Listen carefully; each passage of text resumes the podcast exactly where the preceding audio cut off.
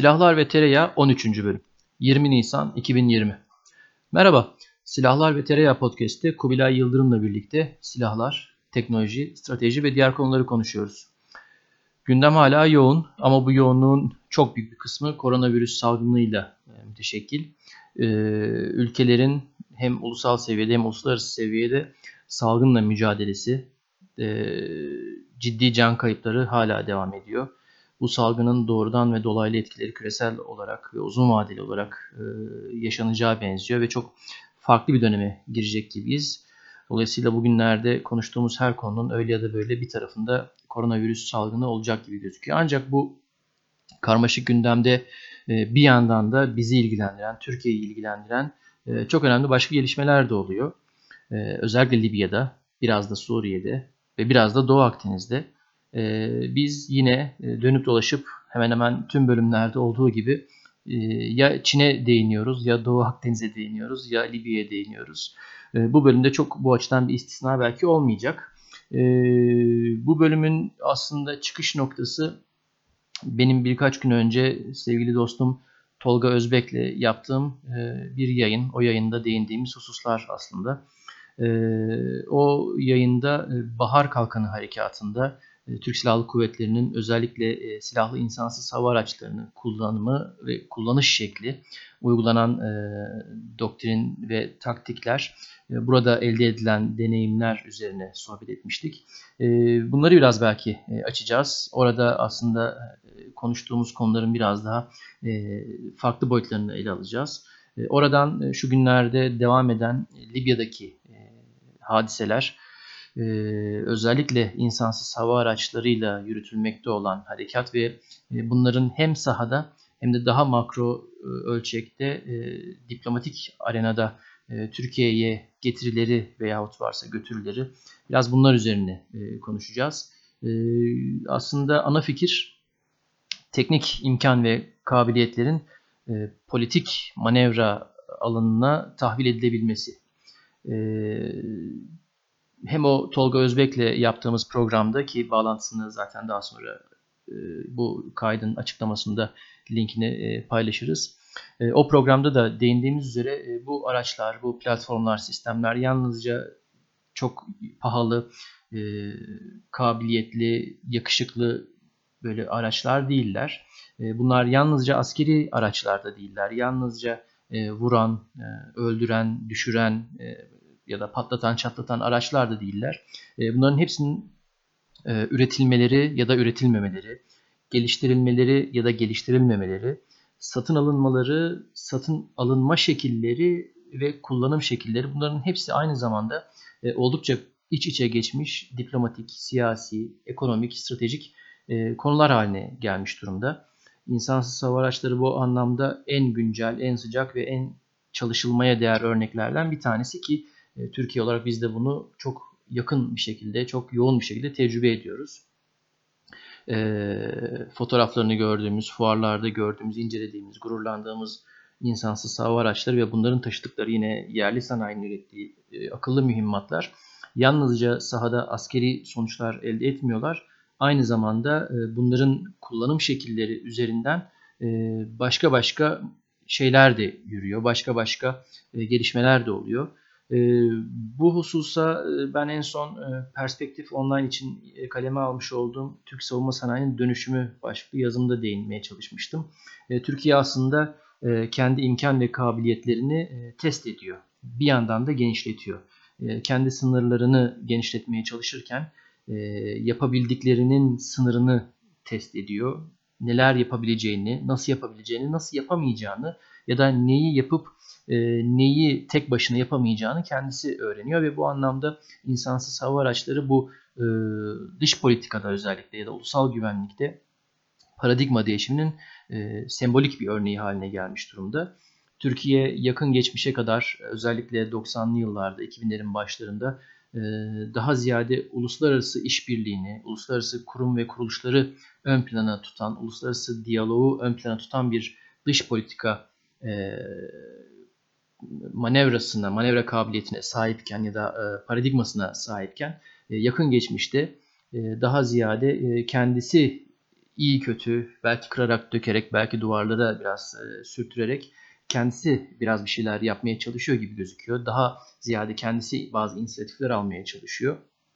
Dolayısıyla e, devleti, devlet aktör olarak devleti ön plana e, koyan, e, bu bağlamda e, ikili işbirliklerini, ikili ilişkileri, diyaloğu ya da e,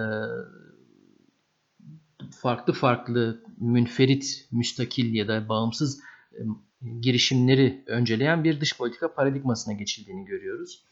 E, bu yeni realist dozu yüksek bu yeni e, dış politika e, paradigmasında da e, tabii ki silahlı kuvvetler e, en önemli unsur haline gelmiş durumda. Hem de bölgesel gündemin de bize dayattığı bir zorunluluk olarak ve silahlı silahlı kuvvetlerden dolayı da savunma sanayi çok önemli bir e, aktör haline gelmiş durumda. Zira Türkiye'nin bölgesinde gerçekleştirdiği bu e, dış politika hamlelerinin e, çok önemli bir unsuru da savunma sistemlerinin ihracatı olmuş durumda.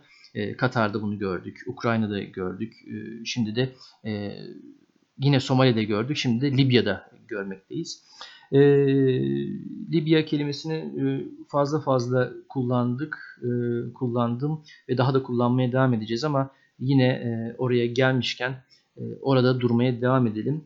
Hemen ben sözü Kubilay'a paslayayım. E, Kubilay da e, özellikle Libya özelinden başlayarak e, gördüklerini paylaşsın ve oradan devam edelim. Söz sende Kubilay.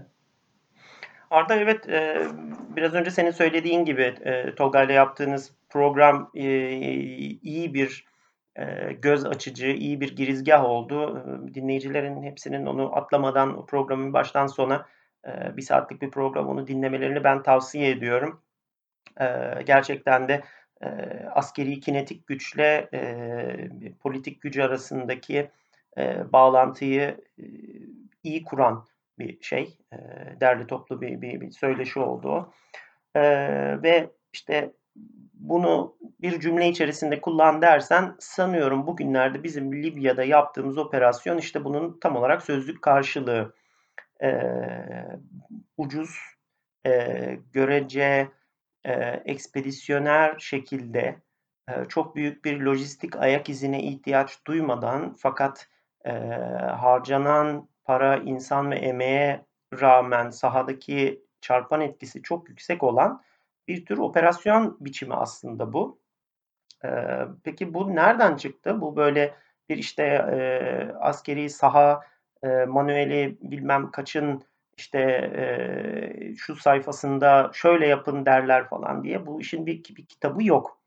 E, biz bunu kendimiz ter döke döke deneyip kırarak dökerek orada deneyerek burada şey yaparak e, mal kaybederek bazen can kaybederek e, bunu kanla öğrendik. Bunu nerede öğrendik? Aslında öncelikle kendi iç güvenlik harekatımızda öğrendik. Ondan sonra bunu Suriye'deki e, yaptığımız üç ayrı operasyonda e, birini e, ağırlıklı IŞİD'e karşı, diğerini ağırlıklı olarak e, PKK'ya karşı e, ve üçüncüsünde de aslında e, Suriye devleti ve hatta e, elini soktuğu sürece e, Rusya'ya karşı da e, denedik ve sınadık ve gördük ve bunların bazılarından da ciddi şekilde sonuç aldık. E, bunlar çıkarılan dersler olarak yeniden gerek platformlara gerekse de en önemlisi sizin geçen günkü bu andığımız programda da sürekli dile getirdiğiniz gibi operasyonel konsepte e, bir tecrübe olarak girdi. Operasyonel konsept önemli. Senin e, geçenlerde CONOPS olarak, Concept of Operations olarak söylediğin şey. Ne yapacaksın? Ne yapmayı planlıyorsun? Yani elindeki sistemleri işte tüfek şöyle olur, NATO kodu, Stanak bilmem ne, 762 çarpı 51 mermi kullanan işte bilmem ne yolu falan. Aslına bakarsanız bunlar tabii müttefik lojistik altyapısı için e, kullanılan standartlaştırmalar ama e, tıpkı işte herkesin e, her uluslararası ilişkilercinin yahut da son zamanlarda tele, televizyona çıkan her e, stratejistin muhakkak işte örnek verdiği Clausewitz'in e, şeyi gibi e, o, o meşhur e, cümlesindeki gibi aslında askeri e, e, askeri operasyon yahut da e, savaş diyelim. Savaş e, hakikaten politikanın başka unsurlarla e, yapılan devamıdır cümlesindeki gibi. E, bütün bu operasyonel konseptler, bütün silah sistemleri, bütün e, e, ağırlıklar, menziller vesaireler senin sahada ne elde etmek istediğinle, nasıl çarpışacağınla, nerede durmak isteyeceğinle, nereye kadar gitmek isteyeceğinle alakalı.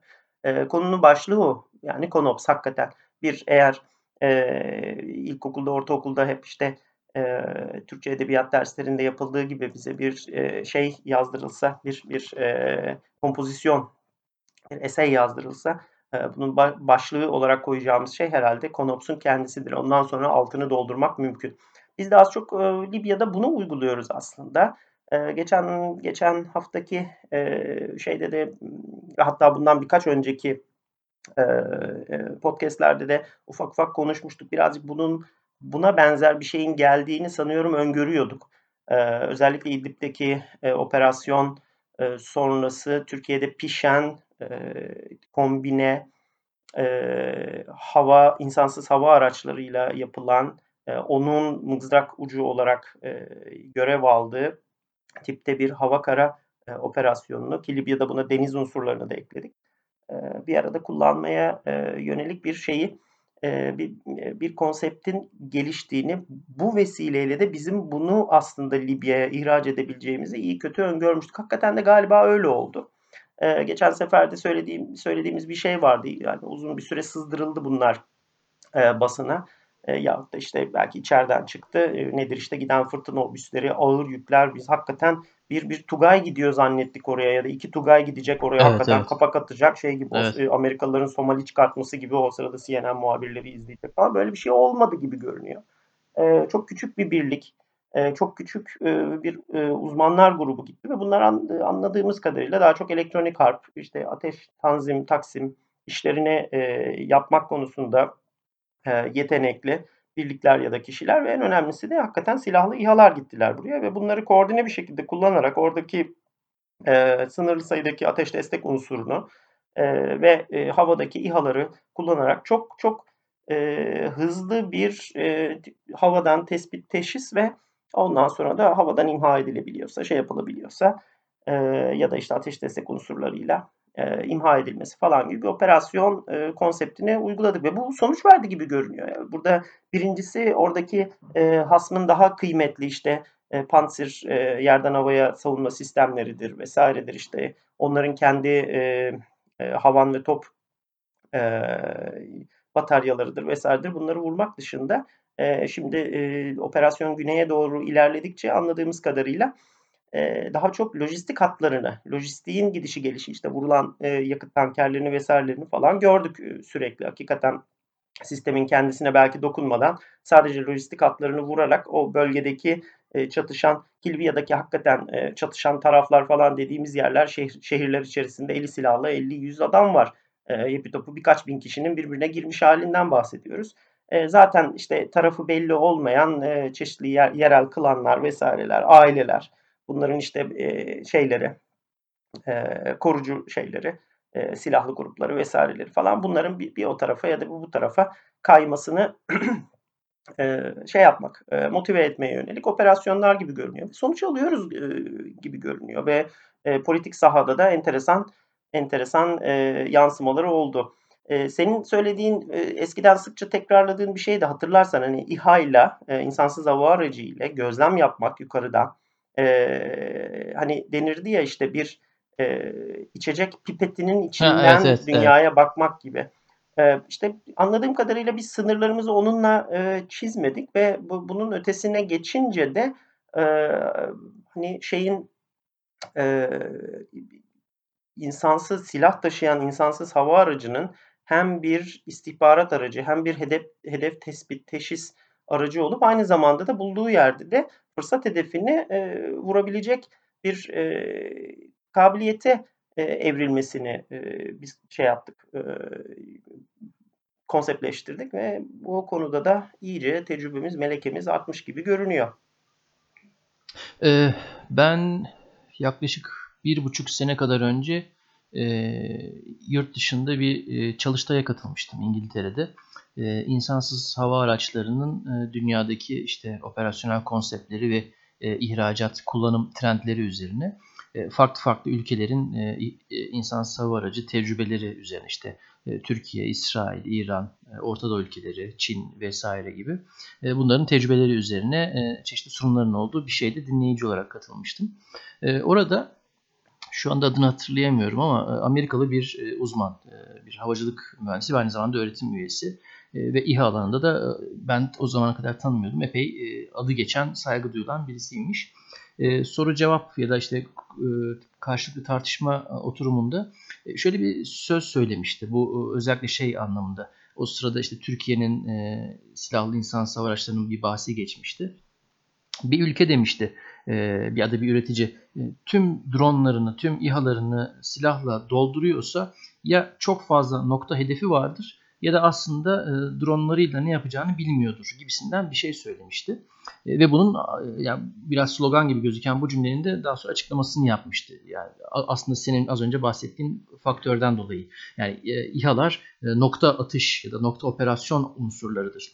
Bütün İHA'larını böyle yani sniper uçan sniper tüfeği, keskin nişancı tüfeği gibi kullanıyorsan eğer ya çok fazla keskin nişancılık hedefin vardır. Keskin nişancının yapacağı gibi çok fazla işin vardır. E, ya da aslında e, belki işte Orta ülkelerin yaptığı gibi prestij yatırım ya da işte pahalı dronlara yatırım yapmak bir havacılık kabiliyeti açısından ya da silahlı kuvvetler kabiliyeti açısından ileri bir seviyeyi sembolize ettiği için bak ben de işte şu kadar yatırım yapıyorum ben de aslında bu alanda ne kadar güçlüyüm onu göstermeye çalışıyorsundur gibi bir şey demişti ve e, ben o sırada bayağı şaşırmıştım çünkü işte Türkiye'nin de o dönemde e, silahlı insan savaşlarıyla Suriye'de, Kuzey Irak'ta e, iç güvenlik harekatını yaptıkları, elde ettiği başarılar bayağı işte basında yer ediyordu. Hani yanındaki arkadaşım arkadaşımla da işte konuşup bayağı gülüşmüştük. Yani bu cümleyi Türkiye'de kursa e, acaba neler olurdu diye. E, o hoca aslında kendi içinde tutarlı ve haklıydı. Yani hakikaten de insansız hava araçları e, tekil olarak, münferit olarak e, uçan birer keskin nişancı tüfeği gibi. Amerika Reaper'larla Afganistan'da, Irak'ta ve dünyanın pek çok farklı yerinde bu şekilde kullandı, kullanmaya devam ediyor. E, Fransa, İngiltere hakeza e, silahlı insan savarıcı kullanan işte diğer ülkeler de aynı şekilde. Yani e, nokta atışlı, nokta e, vuruş isabet gerektiren e, hassas operasyonlarda insan savaşları kullanılıyor. Ancak e, hep işte vurguladığımız, yazıp çizdiğimiz üzere, konuştuğumuz üzere e, Türkiye İdlib'de Bahar Kalkanı'nda farklı bir şekilde kullandı insan hava araçlarını ve bu uzun süre çalışılmış bir şey belli. E, yalnızca böyle hassas nokta atışlı keskin nişancı tüfeği gibi değil, aynı zamanda da bir sahada etki elde etmek için kullanılan bir şey olarak, bir unsur olarak e, ve bunun bir karşılığı oldu. Hızlı bir sonuç alıcı bir karşılığı oldu. Şimdi burada insansız hava aracını tek olarak, tek başına bir platform olarak da e, ele almamak gerekiyor. Çünkü e, kullanımları sırasında çok yoğun bir şekilde elektronik harp desteğine ihtiyaç duyuyorlar. E, ve tercihen hava kuvvetleri e, ve veya e, topçu ile de desteklenmeleri gerekiyor. O arzu edilen etkiyi elde edebilmeleri için. Libya'ya geldiğimizde enteresan bir şekilde Türkiye'nin e, bir çeşit bu işte İngilizce literatürde e, War of Attrition dediğimiz yani yıpratma savaşı sanki ben yürüttüğünü tahmin ediyorum ya da öyle hissediyorum. E, evet ardı ardına İHA'larımız bizim ürettiğimiz İHA'ların düşürüldüğüne dair fotoğraflar, videolar, görsel materyaller çıkıyor. Bazılarında yanıltmaca, aldatmaca ya da dezenformasyon olabilir. Bazılarında olmayabilir ama sonuç olarak orada İHA kayıpları veriliyor. Ama bu İHA kayıpları Türkiye'nin şu anda e, çok canını acıtacak bir seviyeye sanki gelmiş gibi değil. Çünkü operasyonel temponun da bir yandan e, devam ettiğine dair çok kuvvetli emareler var. Yani Türkiye e, bu kayıp oranını sürdürebilecek şekilde bir operasyon yürütüyor gibi gözüküyor. Ama öte yandan senin de az önce bahsettiğin gibi bu İHA'lar oldukça maliyetli, kolay kolay hemen üretilip alınamayan, hemen sahaya sürülemeyen e, hava savunma sistemlerini birer ikişer vuruyorlar. Veyahut e, çok kıymetli e, lojistik ikmal hatlarını vuruyorlar. Ya da e, karşı tarafın canını çok acıtıcı e, sonuçlar alabiliyorlar. E, burada biz bir e, farklı bir e, kullanım şeklini aslında görüyoruz. Ve bu aslında bence benim tahminim e, Tolga'yla programda bundan bahsetmiştim. E, henüz tam olarak evrimini tamamlamamış bir şey gibi gözüküyor. E, hem İdlib hem Libya bize e, insansız hava araçlarının hava savunma sistemleri karşısındaki zafiyetlerini e, çok açık bir şekilde gösterdi. Çünkü bu uçaklar aslında e, çok düşük hızlarda uçan e, nitelikli planörler gibi. Üzerlerinde kamera taşıyorlar, sensör taşıyorlar, bir iki tane füze bomba taşıyorlar. Ama sert keskin manevralar, manevralar yapamıyorlar. Ya da çok farklı sensörler, algılayıcılar, elektronik harp ya da kendini koruma sistemleri taşıyamıyorlar. Taşımaları gerektiğinde de boyutları artıyor. İşin içine farklı şeyler giriyor.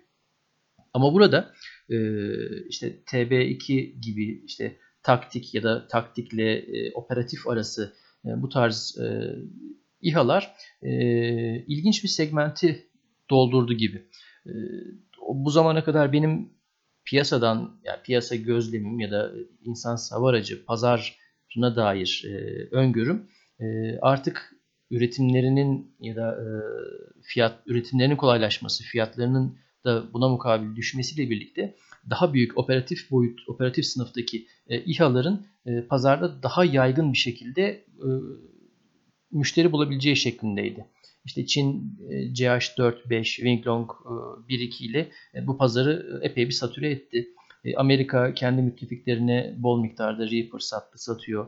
İsrail Hermes serisi 450-900 ve Heron 1-2 işte Heron TP Eitan bunlarla ciddi anlamda ihracat başarıları kazandılar. Boyut büyüyor. Neden?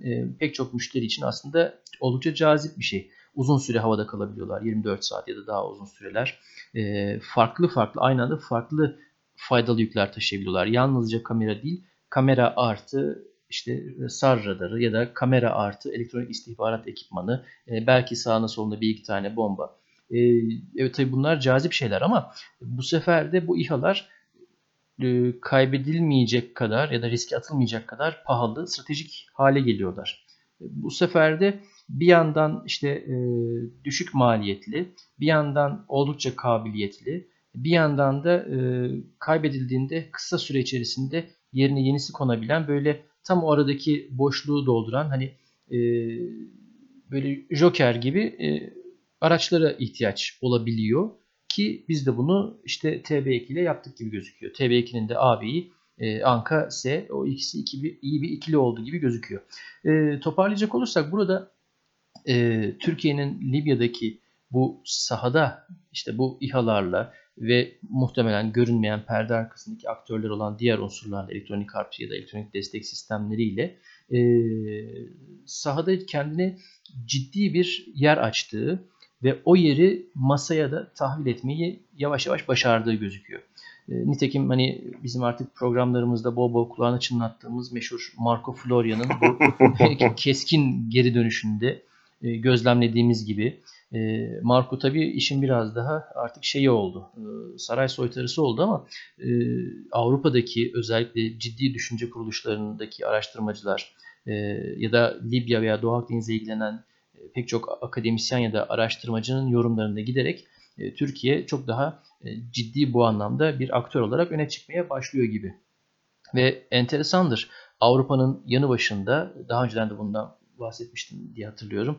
Avrupa'nın yanı başındaki bir bölge, bir kriz bölgesi ama bu kriz bölgesindeki en önemli aktörler biri Rusya, biri Türkiye, perde arkasında Birleşik Arap Emirlikleri ya da perde önünde Mısır. Ama e, Avrupa'nın esamesi okunmuyor. Avrupa şu anda zaten kendi derdine derdiyle uğraşıyor. Ee, şunu söylemeye çalışıyordum. Bu işte sahadaki teknik e, dozu yüksek bu faaliyetler ya da bu e, yeni oyun planı masada farklı şeyleri bizi e, konuşmaya e, sevk edebiliyor. E, nitekim bunun bir yansımasını da herhalde çok kısa süre içerisinde Ege'de göreceğiz gibi gözüküyor. Zira e, Yunanistan'a karşı Türkiye'nin ciddi anlamda daha sert, kararlı e, ve gür bir şekilde bir ses çıkarması söz konusu Yunanistan'ın e, bu uluslararası anlaşmalara ihlaline karşı olarak. O zaman şuna geliyoruz. En baştan gelen şey harekat konseptiyle başladım. Oradan yine son sözü sana harekat konseptiyle devredeyim. Kendimize ait devşirme, tercüme, ithal değil, kendimize ait ihtiyaçlarımızı kendimiz belirleyip kendimiz bunlar için doktrinler, stratejiler belirleyebiliyor isek kıra döke de olsa, bol bol hatalı da olsa, deneme yanılma da olsa sonuç alabiliyoruz. Ve o sonuç aldıkça biz o manevra alanını iyice genişletip e, o kabiliyetlerimizi test ede ede nüfuz alanımızı genişletebiliyoruz. Bu bunun yani bu genişletme, nüfuz alanını, kabiliyetleri genişletme sürecinin kolay olacağını kimse beklemiyordu zaten. E, pürüzsüz olacağını kimse beklemiyordu. Bol miktarda e biz zaten e, Türk milletiyiz. E, vurup kırmadan, kafayı duvara birkaç kere çarpmadan öğrenmeyiz. Ama öğrendikten sonra da o derste e, kolay kolay unutmayız diye umuyorum. Altını çiziyorum. E, dolayısıyla biz kendi kendimize düşünüp kendi kendimize yaptığımız zaman bir şeyler olabiliyor. Farklı bir şeyler olabiliyor. En son şu örnekle hemen kapatayım sana vereyim sözü. E, işte hani yine konseptlerden bahsettik ya askere giden pek çok kişinin işte dinlediği şeydir belki. Benim de ilk askerde öğrendiğim şeylerdendi. İşte sürünürken yere yatar yatmaz topuklarını yere yapıştıracaksın. Neden? Çünkü o edinilmiş, öğrenilmiş bir ders. İşte Kıbrıs'ta çıkarmada, çıkarma sırasında plajda o topukları yukarıda olan askerler düşmanın ateşi sırasında topuk taraflarından ya da bacaklarının arka taraflarından epey bir isabet almış, yaralanmışlar. Bu bir öğrenilmiş bir ders. Bu bu tür dersleri, bu çok küçük, en temel, işin ABC'si niteliğinde bir şey. Bu tür dersleri kimse kimseye bedavaya vermez ya da kimse kimseye asla vermez. Bunları kendi kendimize yaparak, deneyerek, yanılarak öğrenmemiz gerekiyor. Şu anda da Libya'da böyle bir öğrenme sürecindeyiz galiba. En sevdiğim yerde e, bana vermiş oldun yine e, Konops konuşurken işte e, yani anlattığımız hikayeler aslında e, bir, bir, bir şey ifade ediyor. Tıpkı senin az önce anını anlattığın gibi e, bu İngiltere'de dinlediğin insan hava aracı uzmanının söylediği şey e, başka birisi için aa kulağıma müzik gibi e, diyebileceği bir şey ama e, araya Webex girdi pardon. E, ama e, bizim için artık pek bir şey ifade etmiyor. O adam konuşurken kendi e, temsil ettiği askeri doktrinin e, gölgesinde çok doğru bir şey söylüyor. Çok böyle taş gibi taş, taşa kazınmış gibi falan. Kimse onu şey yapamaz. E, ne derler? Suçlayamaz, bir şey diyemez. Ama bizim için bir şey ifade etmiyor. Biz yabancılaştık çünkü bizim kendi derdimiz var. Biz kendimiz şey yapıyoruz. Bunu kendimiz geliştiriyoruz. İşte asıl mesele de o arkadaki o konsepti geliştiren akıl. Yani işte senelerdir orada burada işte çıkan tartışmalar e, ya TB2 mi Anka mı bilmem ne mi. Abi hepsi yani platform bunlar. Bunlar bir şey ifade etmiyor aslında bakarsan. Platformun kendisi bu konuda sadece birer araç. Bugün o olur, yarın bu olur. Ya da işte abi şey dengeler değişiyor. İşte bak onlar da şu kadar TB2 düşürdü, bu kadar Anka düşürdü. Bir önemi yok. Çünkü arka taraftaki akılla verilen bir e, zarar yok. E, son zamanlarda işte e, son birkaç haftadır konuşulan konu bunlar muhtemelen özellikle sızdırılıyor e, şeye.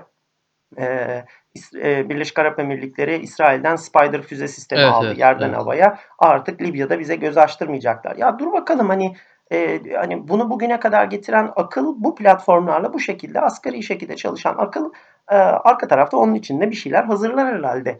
E, yani hani devletimiz en iyisini düşündüğü manasında söylemiyorum. O akıl çalışmaya devam ediyor. Ee, hadi ben buradan bir tane e, sizin geçen günkü e, Tolga ile yaptığınız programda kenara köşeye not aldığım şeyler vardı. Onları da e, hadi kusmuş olayım burada. E, mesela işte bugünlerde sizin programda da tartıştığınız şey bugünlerde en gelişmiş e, uçak ne dersek ya evet F-35 hani biz bunu belki yakın zamanda göremeyeceğiz bu uçağı belki de hiç göremeyeceğiz falan filan ama olayı nedir F-35 stealth olması bilmem nesi falan bir kenara bir dolu e, enteresan özelliği bir yana bir bir sensör füzyonu bir bir e, data aynen, işleme aynen. E, uçağı aslına bakarsan. E şimdi e, mesela hani bizim Libya'da e, ya da işte e, Barış Pınar Harekatı'nda yaptığımız şey aslında bir e, seyahat e, operasyonuydu. Ağırlıklı daha doğrusu hani şeyi değiştiren işin akışını değiştiren, bu kadar evet. çok e, yurt dışı medyaya falan da yansımasına e, yol açan şey hakikaten bu SEAD yani Suppression of Enemy Air Defenses e, şeyin hasmın e, hava savunmasını bertaraf etme e, ya da bastırma ya da e, yok etme hatta SEAD DEAD e, şeyiydi, e, fonksiyonuydu. E, şimdi F-35 olsa bunu nasıl yapar? İşte girer bir yere ondan sonra işte radarı ya açıktır ya değildir falan. Üzerinde çok hassas sensörler var bunun ve işte dinleme yapıyor. Elektromanyetik tayfta işte dinleme yapıyor. Hava savunma sistemlerinin radarlarını bilmem nelerini falan filan dinliyor. Buradan da iyi kötü bir kestirim yapıyor. Bunun yeri az çok burasıdır diye. Sonra zaten hani hüzmeyi e, odaklayabileceği şekilde çalışan bir AESA, güçlü bir AESA radar var üzerinde. Onunla o bölgeyi tarayıp e, neredeyse şeyin fotoğraf gibi bir radar görüntüsünü, o, o, o bataryanın fotoğraf gibi bir radar görüntüsünü çıkarıp ha bu burada deyip ondan sonra kafasına bir tane e, güdümlü bir bomba atacak hangi güdüm e, metodunu tercih ederse. Şimdi F-35'in de aslında getirdiği şey bu. Ee, biz bunu tanımlıyoruz. Bak şeyde hani bir Excel tablosuna bilmem neye falan şey yazmadık. Şu kadar menzili olur, şudur, budur Evet, falan filan evet, değil. evet. F-35 bizim için bu işte. Bak böyle de hani kanatları var, gagası var, işte tepesinde ibiği var dediğimizde ya sen tavuk mu diyorsun falan dediğimizde işte anlattığımız şey aslında F-35'i ta- e, tabir ediyor. Peki bunu biz kendi sistemlerimizle iyi kötü yapabilir miyiz? Pardon. Gevezelikten boğazım kurudu. Arada bir su içmek zorunda kaldım. Ee, biz biz peki nihai muradımız buysa o o hava savunma sisteminin kafasına bir şey çakacaksak peki bunu biz kendi e, ekspedisyoner sistemlerimizde, insansız hava araçlarımızda yapabilir miyiz? Ya bir, bir e, kırıp dökersek mi? Aslında yapabiliriz dağıtık şekilde. Artık şimdi işte Aksungurlar, Akıncılardan konuşmaya başlıyoruz. Bunların üzerine e, Aselsan'ın geliştirdiği e, yüksek hassasiyetli jeolokasyon kabiliyeti olan e, ISM sistemlerini yerleştirmek mümkün. Bunların uzaktan dolaşması, havadan, çok yüksek irtifadan, yüksek irtifa burada önemli bir şey. Çok çok kapsama alanın ve e, menzil hassasiyetin gelişiyor burada. E, çıkabiliyorsun falan. Ondan sonra e, bu bilgiyi bir yerde indirip ve burada işlemek mümkün. E, SAR e, görev yükü taşıyan ve hiç de küçük olmayan e, radarlar taşıyan e, sistemleri yavaş yavaş piyasaya vermek üzereyiz ve aynı zamanda bizim 10 yıllardır sürdürdüğümüz güdümlü e, e, mühimmat e, e, projelerimiz var. Biz bunlarda hep büyük mühimmatlardan başladık ama artık çok küçük mühimmatlara doğru, çok küçük olmasına rağmen kanatlarının yardımıyla çok uzun menzillere giden mühimmatları falan yapmaya başladık. Yani yine o hani biraz önce tavuğu tarif ederken ki şey yaptığımız ISM'le dinle, yerini iyi, iyi kötü tespit et, optikle yahut da SAR radarıyla yerini bul, e, şey yap. Ondan sonra oradan bir bir imaj oluştur ve bunu da yukarı çıkardığın uzun menzilli bir mühimmatla o yerdeki hava savunma sisteminin menziline girmeden git orayı satüre et. Ya da işte hadi bunu geçtim yahut da hiç bunu yapamıyoruz. Aksungur yok orada uçuramıyoruz. Bu karmaşık kompleks bir e, proses. E, bu TB2'lerden ne bileyim bir bataryada işte 6 tane füze taşıyan 3 tane atıcı mı var? E sen o zaman 24 tane sistem gönder oraya. O işte şeylerini harcasın. Hatta bunların bir kısmına asıl pahalı olan görev yüklerini bile koyma. TB2 gibi bir platform aslına bakarsan e, üzerindeki optiklerini, silahlarını falanı filanı söktüğün zaman üretilmesi, sahaya verilmesi falanı filanı çok ucuz ve çok çok hızlı tıkır tıkır üretilebilen e, şeyler, platformlar. Bunlardan doğru, gönder doğru. Ara, aralarına 3-5 tane de gerçek e, görev yüklü şeyleri, gerçek aviyonikli falan filan şeyleri koy. Ondan sonra hadi bakalım kim kimi avlıyor, ne oluyor, ne bitiyor. E, bu önemli bir şey. Bunu bakalım e, şey yapabilecek mi? Hasım taraf bunun lojistiğini sürekli sağlayabilecek mi? Sen bir sistemi vurduğunda bütün sistemi yok ediyorsun. Aynı zamanda muhtemelen personelini de yok ediyorsun. Onların eğitimi vesairesi falan da çok önemli. Sen arka tarafta onu kullanmaya, sensör datasını e, yorumlamaya falan mahir adamı imha ediyorsun ama o İHA'yı sana gönderen adamı, fabrikayı bilmem nereyi onlar hiçbir zaman uçağa düşürerek yok etmiş olmuyorlar aslında. E, böyle de şey bir ne derler ona farklılık da var. Yani e, yine hani Konops, Konops, Konops gerçekten de platformun kendisi e, hani F-16 versus işte e, Mısır e, uçağı bilmem nesi falan dediğimizde de pek bir şey ifade etmiyor aslında. Ve e, şeylerde bu aralar çok ısıtılıp işte piyasaya e, dolaşıma sokulmaya çalışılan hadi bakalım panserleri dövdünüz yeni modeli geldi. Yahut da işte of, sorma, Sp- evet. Spider füzesi alıyorlar. Hadi bakalım Türkler buna ne yapacaksınız falan. Ya bu işte bu, buna var işte yani çok işte e, sana bir şeyler hazırladık denebilir bu şeylere. E, çünkü e, o konopsu geliştiren kafa, akıl vesaire her şeyden ve her şeyden daha önemli. Şimdi ilginç tarafı senden bir şeyi topu alınca onu biraz e, şeye kadar götüreyim, e, farklı bir sahaya kadar götüreyim. Burada önemli olan şeylerden bir tanesi e, Türkiye'nin işte Hafter'i orada tokatlaması, Birleşik Arap Emirlikleri'ne e, e, hakikaten böyle yerinden kalkıp bir tane e, suratının ortasına bir yumruk çakmış olması, insan içinde hakikaten e, madara etmiş olması falan filan bunlar bir şey bir tarafa. Bir de sanıyorum e, Türkiye farklı bir şeyi ispatlamış oldu. E, dünyanın değişen e, konjonktürü içerisinde. O da e, Türkiye bir devlet, e, belirli bir lojistik altyapısı var. Bir de hakikaten e, senin hep söylediğin o kurumsal altyapısı var. Yani işte bir bir konops ortaya çıkarabiliyor. E, bütün TO'ları, bütün işte field manual'ları Amerika'dan, NATO'dan gelmiş, bu şekilde yetişmiş olan bir ordunun hakikaten bir e, 30 sene içerisinde kendisini bu şekilde revize etmiş olması, halen de NATO e, ıvır zıvırı kullanırken kendini revize etmiş olması bu enteresan bir şey. Bu ülke olmanın bir ülke kurumsallığıyla, bir ülke karar alma mekanizmasıyla ve kabiliyetleri, cebinin derinliği, insan kapasitesiyle falan çalışmanın getirdiği şeyler. Müttefiklik denen kurum, kavramlar falan bunun için var. Buradan nereye gelmeye çalışıyorum? E, Türkiye e, hep konuşa geldik. Aslında e, dünyanın en acayip, en hararetli e, bölgelerinden bir tanesinde e, coğrafi olarak bulunuyor ve sağ solu yangın yeri yer yer kendi içerisinde de yangın yeri oluyor olduğu vesaire falan filan. Ve burada şunu ispatlıyoruz aslında. Türkiye'nin çözüm geliştirme e, olmasını istemediği şeyleri e, durdurma, önleme, engelleme e, ve işte bir takım ortaklıklar yapabilme kabiliyeti de var.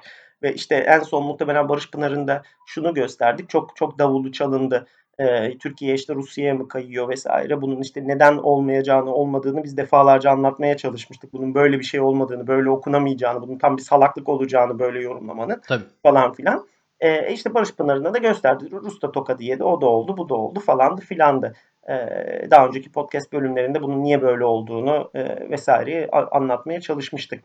Ve buradan da e, açıkladığı şey şu aslında. İşte Barış Pınarı gösterdi ki ya Türkiye'nin kendi ajandası var e, Libya'da özellikle gösterdi ki ya öyle çok o ajandasını gerçekleştirmek için öyle çok da fazla taş atıp kolunun yorulması gerekmiyor ve sahada bir koyup e, beş etki e, alabilen şeyler e, e, bir bir etki e, geliştirebiliyor. Hmm. Buradaki önemli olan şey şu. Bu işte e, bizim e, gönlümüzü e, okşardı işte vesaireydi falan filan ama şu anda tam olarak da Türkiye'nin olması gereken şey şu. Bu, bu böyle bir e, imaja ya da böyle bir kapasiteye sahip olmak. Çünkü sebebi şu. E, yine e, başından beri son e, 12 bölümde neredeyse sürekli aslında her bölümde farklı bölgelere e, değindiğimizde, farklı olaylara değindiğimizde anlatmaya çalıştığımız bir şey var. E, güvenlik, dünyadaki güvenlik e, algılamaları, e, kabullenmeleri vesaireleri değişiyor. Misal e, biz ne yaptık? Bir gün bir bölümde Kuzey Kore'den bahsettik. E, evet, yani evet. Kuzey Kuzey Kore aslında hani bir, bir yükseldi, bir coştu, şey yaptı falan filan. Biz o süreci iyi kötü biraz da e, komikliklerle falan filan pardon e, biraz izah etmeye çalışmıştık. E, o da nedir? E, ciddi bir eskalasyon yaşandı. Adam aslında e, şeye sahip olduğunu, e, nükleer kapasiteye sahip olduğunu aslında ispatlamış oldu. Ve aynı zamanda e, nükleer kapasiteye e, sahip olduğu gibi bunu e, Japonya'dan tut nerede, neredeyse Amerika'nın e, önemsediği yerlere kadar ulaştırabileceğini ispatlamış oldu. E, fakat aslında bir şeyi daha ispatlamış oldu. Yani e, Amerika şeyle e, Kuzey Kore ile Amerika işte birbirlerine roket adam vay işte e, senin ben e, dersini veririm bilmem ne falan diye itişip kakışırken hani Kore'nin aldığı Güney Kore'nin aldığı tavır vesaire. Çünkü burada hep e, e, kabulleniş şuydu. Güney Kore'nin çok kabiliyetli bir ordusu var. Donanması şöyle tankları binlerce. O işte F-15'ler aldılar. Bir sürü e, roket geliştiriyorlar. Güdümlü mühimmatlar. Ama artık anladık ki gerçekten bunun hiçbir manası yok. Çünkü yani Kuzey Kore sınıra dizdiği zaman e, 5000 tane namlulu, roketli bilmem ne topçuyu ya da nükleer şeyi ya zaten Seul e, hakikaten 40, 40 kilometre falan menzilde. E, Seul adamların en önemli e, şehri yukarıdan sınırdan e, mancınıkla e, nükleer şeyi mühimmatı atsa hakikaten Seul'ün canını okur. Yani tabii, yok tabii. efendim F-15'leri varmış işte 300 F-16'sı varmış bilmem bunların hiçbir önemi yok. hiçbir manası yok. Burada artık bildiğimiz şekildeki o kapasiteli şeylerle falan hani sınırlandırılması, engellenmesi, Kuzey Kore'nin caydırılması falan diye bir şey kalmamış. E, dolayısıyla bu bu buradaki paradigma değişmiş aslında. Hani e, biraz önce şeyden önce kayıttan önce konuşuyorduk ya. E, yani Trump e, heveskar bir gerizekalı olduğu için Kuzey Kore ile gidip konuşmak istemedi muhtemelen işte bu, bu, bu değişti arada yani şeyin e, ve komik bir şekilde bunlar ola, ola gelirken Güney Kore'de halen e, Güney Kore borsasında hisseler yükseliyordu. Yani bu da işte bir enteresan bir durum. E, tuhaf bir durum. E, hakeza işte e, yine başka bir podcast bölümünde tartıştığımız bir şey vardı. İran'ın işte e, Suudi Arabistan'daki iki tane rafineriye yaptığı e, cerrahi saldırı. E, bu mesela şeyi anlatmış oldu aslında. E, İran'ın da yine tıpkı Türkiye'nin e, Libya'da falan yaptığı gibi hiç öyle fazla e, taş atıp kolu yorulmadan, şey yapmadan, çok çok maliyetli işlere yönelmeden aslında e, sahada çok çok fazla e, etkili olabilecek e, e, hamleler yapabileceğinin ispatı oldu ve teknolojik olarak belirli bariyerleri, operasyon kapasitesi olarak belirli bariyerleri belirli konularda en azından aştığını gösteriyor. Dolayısıyla işte e, malum üzere bizim e, Amerika ve o vesileyle de Avrupa tarafıyla son e, 6-7 senedir aramızın bozulmasındaki asıl sebep Türkiye'nin nasıl bir yönetiminin olduğundan falan filandan ziyade e, aslında işte e, Suriye tarafındaki başta Amerika ile olmak üzere görüş ayrılığımız ve bunların işte belirli meseleleri PKK'yı e, öne sürerek e, çözmeye çalışmaları. Burada işte e, bir delinin diğer gerizekalıya sattığı enteresan bir fikir vardı. O da işte PKK'nın silahlandırılarak İran'ı geriletmeye yönelik o bölgede bir e, tıpa gibi bir tıkaç gibi hatta gerekirse karşı taarruz yapabilecek bir e, ekip olarak silahlı güç olarak pardon e, kullanılması e, fikri. E, bizim hani e, emektar e, Michael Doran da biliyorsun e, Hudson Institute'un evet, evet, bir evet. şeyi araştırmacısı artık. E, o adamcağızın da senelerdir dilinde tüy bitti. Lan bu iş böyle şeyle olmaz. E, İtalyan mafyasıyla çalışarak bilmem ne yaparak bunu böyle yapamazsınız. E, devletlerle çalışmak gerekir ve Türkiye bayağı başı sonu belli bir devlet derdi ve adamcağız haklı ve işte aslında e, şeyi uzattım. Söylemeye çalıştığım şey bu. Artık yok PKK'nın eline daha fazla silah verelim, yok Javelin verelim, yok eline bilmem ne verelim ne falan. PKK'nın İran'a bir şey yapabilmesi, gidip bir daha Suudi Arabistan'ı e, vurabilmesi ya da bütün o e, şeyi e, e, Basra Körfezi'ni yakıp yıkmasını vesaire falan engelleyecek hiçbir şey yapamazsınız. O, o işte onları alalım gitsin orada bomba patlatsın vesaire falan filan. Bunlar bunlar hiç gerçekçi şeyler değil artık. Yahut da e, işte Güney Kore'ye e, F-35 satalım, Japonya'ya uçak gemisi verelim de onlar gitsin Kuzey Kore'yi dövsün. Bunların artık Kuzey Kore'nin e, caydırılması için hiçbir manası olmadığı e, artık anlaşıldı. Bu sebeple aslında Türkiye e, muhtemelen son 6-7 senedir yaşadığı o makus e, şeyi e, uçurumdan aşağı kayış şeyini sanıyorum geri çevirebilecek el üstünlüğünü elde ediyor. Bundan sonra artık e, gerek Amerikalılarla gerek Avrupalılarla e, bu süreç biraz daha ilerleyip de artık sonuç almaya başladığımızda muhtemelen e, oturup anlaşalım ve artık konuşalım ve karşılıklı birbirimize saygı duyarak e, biz size nazi demeden siz bize de işte bilmem ne demeden e, bu şeylerimizi ilişkilerimizi bir daha gözden geçirelim e, safhasına muhtemelen gelecek. Ee, sen konuşurken şey aklıma geldi direkt. Bu 2001 yılında e, Azerbaycan'la İran arasında bir gerilim olmuştu Hazar Denizi'nde. İşte orada tabii e, bu e, enerji kaynaklarının işte ya da o görev sorumluluk yetki sahalarının kontrolü ilgili zaman zaman İran'la Azerbaycan karşı karşıya geliyor. Gene öyle bir gerilim olmuştu ve bayağı bir tırmanmıştı. Tam o dönemde de bizim Türk yıldızları e, Bakü'ye bu azatlık meydanının üzerinde e, oldukça e, etkileyici bir gösteri yapmıştı. Hava gösterisi gerçekleştirmişti ve e, Bakü'de yaklaşık 1 milyon kişilik bir kitleye bu gösteriyi yapmışlardı. Çok e, ciddi bir gövde gösterisiydi. Ve o gösteri yapılır yapılmaz İran biraz mırın kırın etti. Biraz e, hıkmık yaptı. Sonra birdenbire geri adım attı ve ortalık sütliman hale geldi. Bu mesela çok etkileyici bir aslında örnektir. Yani şimdi orada ciddi bir Türkiye hani Deus Ex Machina gibi olaya müdahale etti. Bir tık yaptı ve meseleyi çözdü. Ya da işte e, statikoya geri döndürdü. Bunu yaparken kullandığı araç 7 e, tane 8 tane neyse F5 uçağı. 40 yıllık kelimenin tam anlamıyla 40 yıllık uçaklar. E, mermi bile atmadan çok böyle yüksek maliyetli bir operasyon yapmadan ama 1 milyon tane kişiyi o meydana toplayıp onların üstünde Türk bayrağıyla, kırmızı beyaz dumanlarla ki o, dönem Türk yıldızlarının dumanları da hiç iyi değildi. Yani havada doğru düz durmazdı onlar. Kalmazdı. Ee, o gösteriyi yaparak 10 dakika 15 dakika neyse o kadar sürede e, stratejik bir sonuç aldı. Şimdi burada bu konularda hem hobi seviyesinde hem daha ciddi araştırmacı ya da akademisyen seviyesinde araştırırken, yazar, çizer ya da düşünürken e, bu e, teknolojik determinizmin tuzağına düşmememiz gerekiyor. Yani az önce senin de bahsettiğin gibi işte o Doğru. Excel tablolarında sayısal veriler, işte menzili, taşıma kapasitesi, silahları, radarı, şusu, busu falan radarı dahi olmayan 7 tane F5 sana orada stratejik olarak bir fark yarattırabiliyor. Doğru zamanda doğru şekilde kullanır ve bir irade, bir kararlılık gösterebilirsen.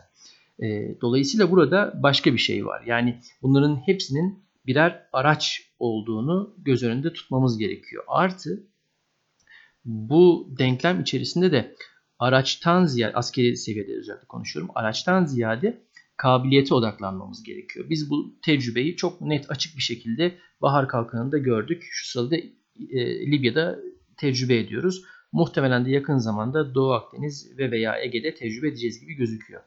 Kabiliyet odaklı düşündüğümüz zaman etki yani istenen e, etkiyi, istenen e, sonucu elde etme odaklı bir oyun planı kurgulamaya geçiyoruz.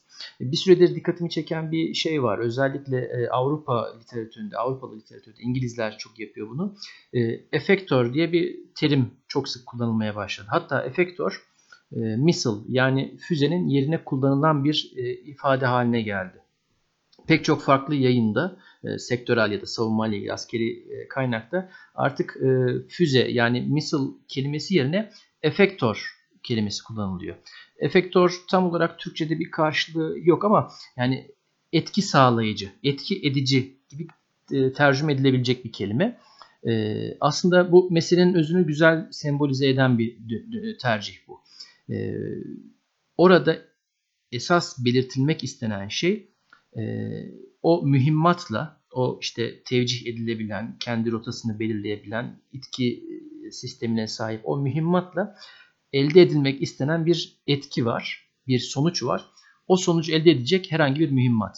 Burada aslında mühimmatların ya da füzelerin bu öz, örnekten gidecek olursak yalnızca spesifik görevler için tanımlanmış e, tek rollü araçlar değil, istenen sonucu elde edebilecek şekilde kullanılabilen farklı görevlere, farklı ihtiyaçlara uyarlanabilen silahlar olduğunu aslında vurguluyor.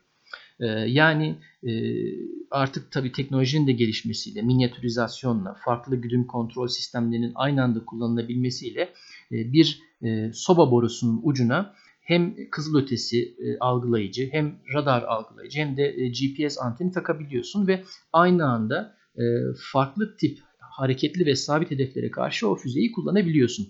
Dolayısıyla klasik manada uçak savar, tank savar, havadan yere işte güdümlü füze tanımları yetmemeye başlıyor. Bu çok dar bir örnek belki ama aslında buradaki geçirmemiz gereken mental dönüşümü de biraz e, biraz vurguluyor aslında. Esas burada önemli olan şey e, buradaki araçlar, onların münferit e, kabiliyetleri, e, tasarım özellikleri ya da e, rolleri, işlevleri değil, onları nasıl bir etki elde etmek için kullanacağımız, nasıl bir e, strateji dahilinde, nasıl bir işte amaç doğrultusunda kullanacağımız. Yani gene aslında o işte adını hala hatırlayamadığım hocanın dediği gibi dronların hepsini silahlandırıyorsan onlarla ya işte keskin nişancılık yapacaksındır ya da ne yapacağını bilmiyorsundur. E, drone'u silahlandırmak bu anlamda aslında bu, bu şu açıdan haklı. Yani drone'u silahlandırıyorsun peki neden? Yani ne, ne vuracaksın ve neden vuracaksın onu? Ee, sadece ve sadece PKK gibi e, Maoist e, özellikleri ön planda olan bir terör örgütüne karşı kullanacaksan keskin nişancı olarak çok etkili. Neden? E, küçük küçük e, birbirinden bağımsız e, hücreler, gruplar halinde operasyon yapıyor dağlık ya da kırsal alanda. O, o grupların en azından işte sözde lider kadrosunu e, İHA ile böyle e, 20 kiloluk bir bombayla bertaraf edersen o grubun manevra kabiliyetini sakıt kılabiliyorsun. Ve ciddi anlamda sahada sonuç alıcı etki alabiliyorsun. Bütün teröristlere karşı geniş bir alanda arama tarama faaliyeti yapmana bile belki gerek kalmayabiliyor.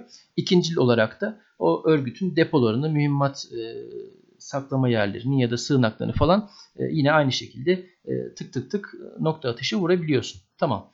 E ama o zaman e, sadece ihtiyacın bununla sınırlı ise bu kullanım şekli senin konseptin olarak yeterli olabiliyor. Ama İHA'yı silahlandırmayı silahlandırılmış İHA'yı daha doğrusu daha e, büyük bir kabiliyetler yumağının, bir şebekenin, bir network'ün parçası olarak kullanırsan çok farklı bir etki alıyorsun. O zaman biz silahlandırılmış İHA'ları e, bu anlamda e, ne olarak tanımlayacağız? Silahlandırılmış İHA orada aslında otomatik olarak bir platforma, bir taşıyıcı e, teşbih hata olmaz, kamyona dönüşüyor. Aynı F-16 gibi, aynı F-4 gibi. Çünkü orada e, esas olan şeyler e, F-16'nın, F-4'ün, Anka-S'nin ya da TB2'nin kendi platform kabiliyetlerinden ziyade taşıdıkları işte elektronik harp, e, keşif istihbarat, hedef tespit sistemleri, güdümlü füzelerinin kabiliyetleri ve bunları etkili bir şekilde kullanabilme yeteneğine dönüşüyor.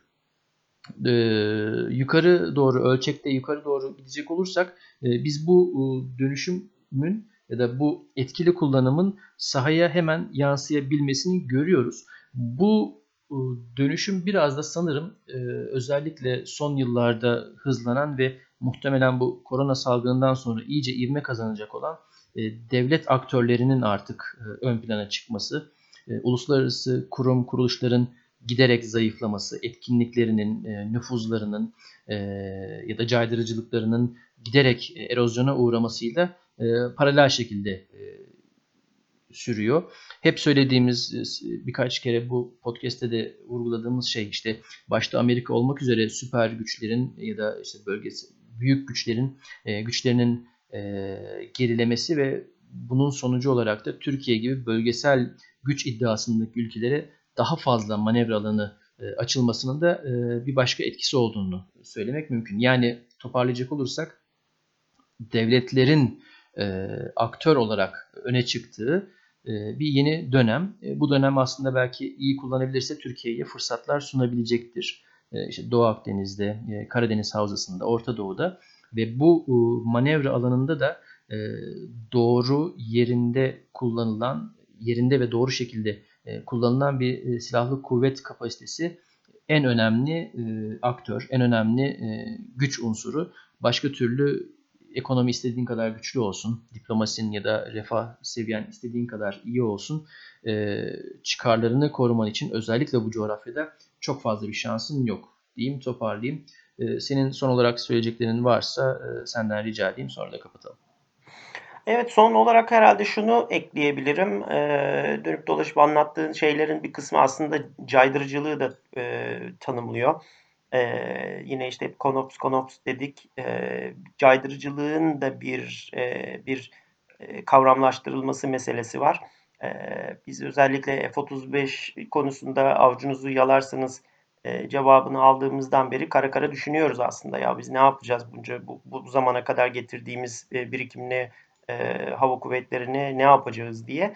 Ee, yine daha önceki podcastlerden bir tanesinde yine anmıştık bu konuyu. Tekrar olmuş olacak belki ama e, işte Amerikan Hava Kuvvetleri Komutanı'nın Hayt'ının e, ona yöneltilen bir soruya e, cevabı vardı. E, Çin'in J-20 e, yeni stealth uçağı ile bizim F-22 evet, evet, e, evet.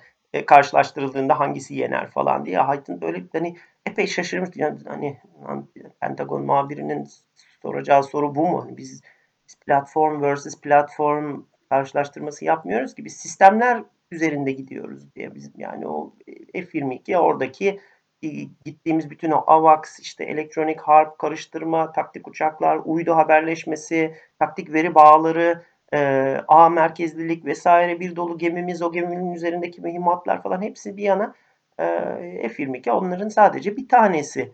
Doğru. E, doğru aynen, aynen. Bu da biraz öyle bir şey. Yani aslında e, hani şey e, Yunanistan e, F-16'larını bilmem ne yapıyor ya da Mısır şu kadar uçak aldı işte gemileri böyle ya bunlar evet doğru bunların hepsi şeyde sadece e, bu karmaşık denklemin içerisinde bunun buna bir kabiliyet olarak eklenmesi gereken hem adedi olarak hem kapasite olarak eklenmesi gereken şeyler. Dolayısıyla burada e, tam olarak panik olmayalım. Doğru bütün yurt savunmasını insansız hava araçlarıyla, SİHA'larla, İHA'larla yapabilmek mümkün değil. E, zaten e, birileri de herhalde yanlış anlamasın diye muhtemelen e, bundan 3-4 gün önce 3 tane tanker uçak kalktı. Bizim işte E-7 AVAX uçağı kalktı ve 16 ya da 18 kadar da e, anlaşıldığı kadarıyla hava hava yüklü hava hava e, mühimmat yüklü e, F-16 birlikte gidip Libya'da e, biraz orada oyalandılar geldiler. E, bu ciddi bir kuvvet aktarımı e, şeyi oldu demonstrasyonu gösterimi aynen, oldu. Aynen.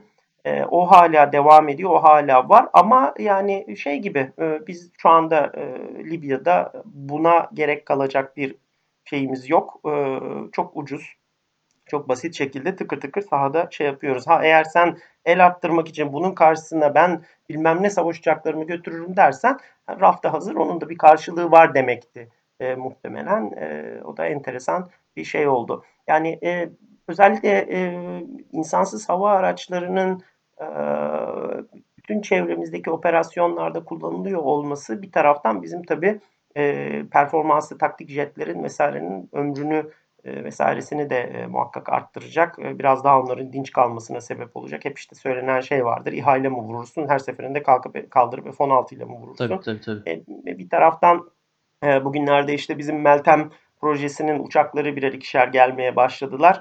E, 2000'li yılların başında planladığımız Meltem e, konsepti ile e, Deniz Karakol ve Denizaltı Savunma Harbi havadan tabii yapılan e, denizaltı savunma harbi e, konseptiyle şimdiki muhtemelen farklı olacak. Çünkü artık Aksungur'u falan konuşuyoruz. Yani tepesinde e, bizim Meltem uçağına takacağımızı son derece benzer bir e, radar olan e, işte e, yukarıdan oldukça yukarıdan e, optik ve radar gözetlemesi yapabilecek. Aynı zamanda işte çeşitli noktalara senin istediğin gibi e, şamandıra mikrofonlar e, atıp e, hem denizaltı savunmasını yapabilecek, e, ön almayı yapabilecek, adaların üzerinde e, uçup işte belirli şeyleri e, çok uzaktan tespit edebilecek falan filan böyle bir takım kapasiteler de e, elde ediyoruz. Dolayısıyla Meltem uçaklarının gelip gelmemesi falan artık eskisinden bir tık daha az